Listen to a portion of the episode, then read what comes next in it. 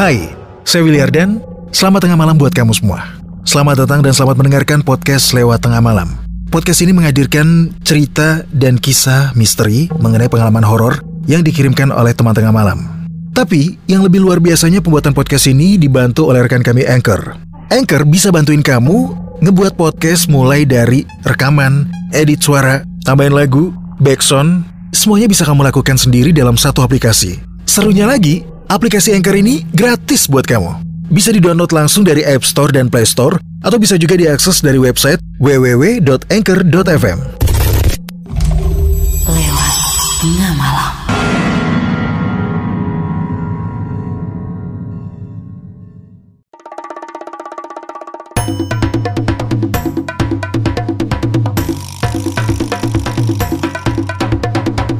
Kini Podcast Network. Selamat tengah malam, kamu lagi mendengarkan podcast lewat tengah malam bersama saya Willy Ardan. Gelap, dingin, dan menyeramkan. Ada sedikit rasa mual saat memasuki gua Jepang di dusun Sentono Rejo, Desa Jogotirto, Kecamatan Berbah, Kabupaten Sleman Daerah Istimewa Yogyakarta. Puluhan makhluk astral konon berkumpul di satu titik atau di lokasi ini.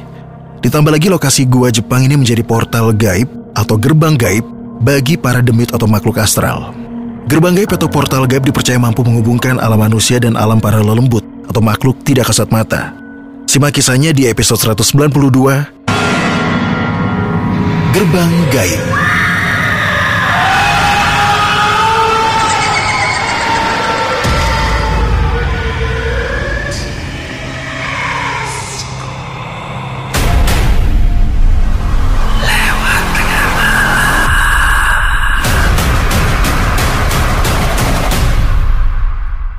Gerbang atau portal gaib yang terbentuk secara tidak sengaja disebabkan karena energi yang berada di dalam gaib terkonsentrasi di satu tempat dan menimbulkan ledakan energi. Selain itu, konon portal gaib bisa dibuka oleh manusia yang memiliki tingkat kebatinan yang cukup tinggi. Konon di Indonesia sendiri dipercaya ada beberapa titik yang diyakini sebagai portal gaib. Terdapat beberapa kisah misteri di Gua Jepang Jogja yang membuat para pencinta adrenalin tertarik untuk mengunjungi dan memasuki kawasan wisata ini.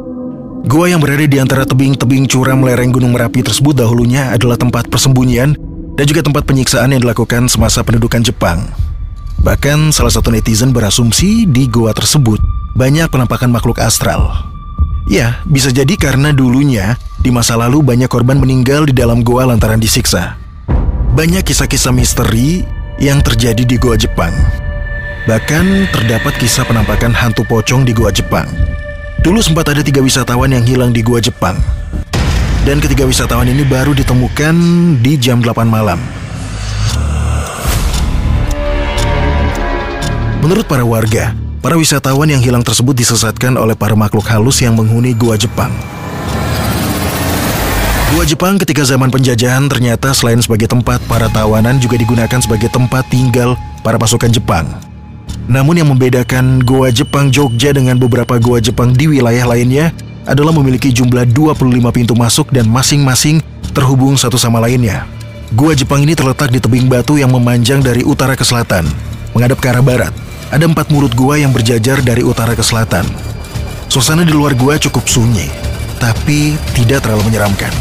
Tapi bagi orang-orang indigo, tempat itu merupakan lokasi yang sangat tidak nyaman dan sangat menyeramkan. Bahkan pengakuan anak indigo, mereka melihat penampakan puluhan makhluk astral yang berkumpul di situ. Ditambah lagi di sana diyakini sebagai portal gaib. Seorang anak indigo bernama Rasa sempat menceritakan kondisi badannya. Dia merasakan kepalanya sakit, mual, dan dia meyakini ada portal gaib di situ yang menariknya untuk masuk. Rasa juga bilang kalau tempat ini sangat menyeramkan. Cukup banyak makhluk-makhluk aneh menyeramkan di situ. Di pintu depan misalnya, ada sepasang siluman ular, yakni ular naga bermata tiga. Sementara yang anehnya, di sepanjang dinding gua, ada sosok-sosok mayat yang dijejarkan dalam posisi berdiri. Masuk sedikit ke dalamnya, ada banyak pocong dan jin. Kengerian di tempat itu bukan hanya sampai di situ saja. Rasha juga melihat ada banyak kepala yang dipenggal, yang berhamburan di lantai, dan juga ada makhluk raksasa berbulu, yakni genderuwo. Nah, di dalamnya lagi ada portal gaib jadi, Rasha juga sempat flashback ke masa lalunya. Dia melihat banyak Romusa yang dicambuk, disiksa. Cukup banyak makhluk aneh menyeramkan di gua Jepang. Dia juga mengaku mendengar suara tangisan, jerit ketakutan dan juga rintihan. Ada penjara perempuan, ada yang disiksa dan juga diperkosa, ada hantu geisha di sana, jadi benar-benar gak nyaman. Bagi indigo seperti Rasha, dia mampu merasakan apa yang pernah terjadi di sana. Termasuk tentang adanya portal gaib yang berusaha menyedotnya. Jadi keberadaan portal gaib ini biasanya bisa menarik para indigo yang punya kemampuan intradimensional. Jadi nggak semua orang bisa ditarik ke dalamnya. Saat seorang indigo tertarik masuk ke dalam portal gaib, secara otomatis dia bisa berpindah ke dimensi lain atau dimensi astral, atau bisa jadi ke masa lalu. Untuk indigo yang profesional, dia bisa menentukan arah mana yang akan dia tuju. Indigo pemula, bisa saja dia nggak akan bisa pulang lagi atau tersesat di dimensi astral. Buat teman tengah malam yang punya pengalaman horor, biar cerita kamu bisa muncul di podcast lewat tengah malam, kirim cerita kamu lewat email di willyardan13 at gmail.com. Buat kamu yang pengen bikin podcast, langsung download sekarang juga aplikasi Anchor dari App Store dan Play Store, atau bisa juga diakses dari website www.anchor.fm. Anchor bisa untuk edit dan upload podcast kamu. Dan yang paling penting, Anchor gratis buat kamu. Gua Jepang ini terletak di lokasi yang cukup tersembunyi di perbukitan sekitar 13 km ke arah utara dari pusat kota Yogyakarta atau dapat ditempuh dalam waktu sekitar 30 menitan. Kedalaman masing-masing gua berbeda-beda, tetapi lebar dan tingginya hampir sama. Lebar dan tinggi masing-masing gua sekitar 2 meter. Gua pertama atau gua yang terletak paling utara memiliki panjang kurang lebih 39 meter. Sudah pasti suasana di dalamnya sangat gelap. Bahkan senter ponsel pun hanya mampu sedikit menerangi lokasi. Semakin ke ujung, semakin masuk, suasana semakin pengap dan dingin.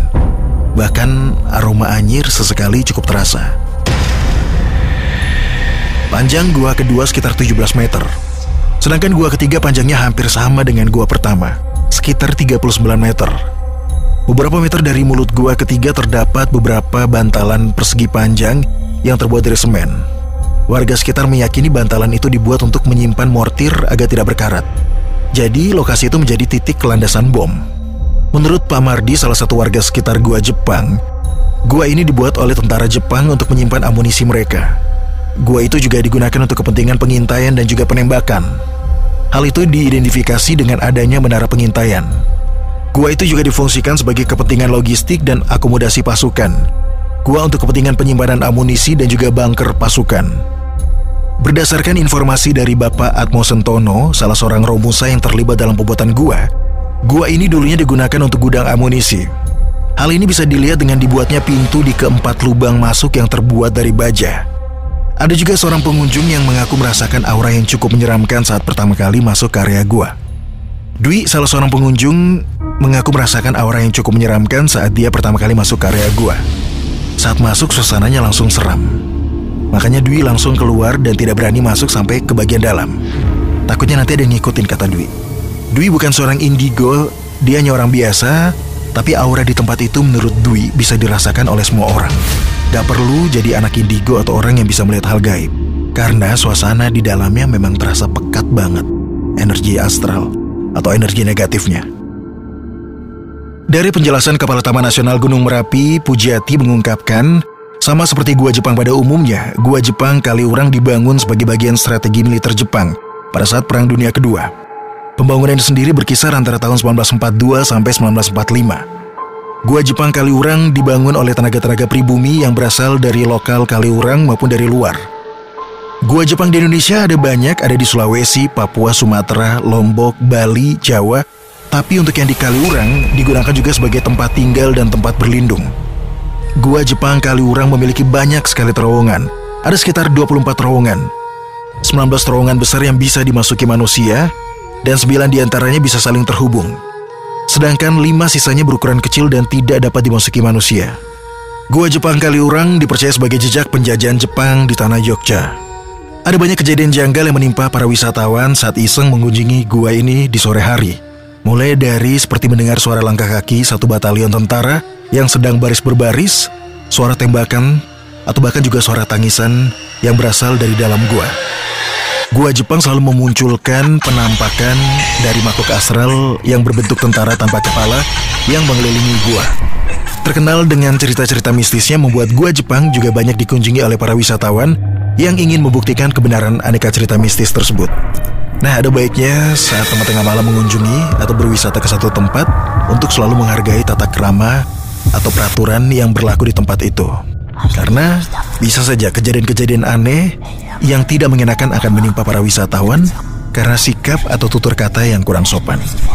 Hingga sekarang Gua Jepang diyakini menjadi wisata seram hunian makhluk astral yang selalu membuat penasaran para wisatawan untuk memasuki dan melihat langsung isi dari dalam Gua Jepang itu.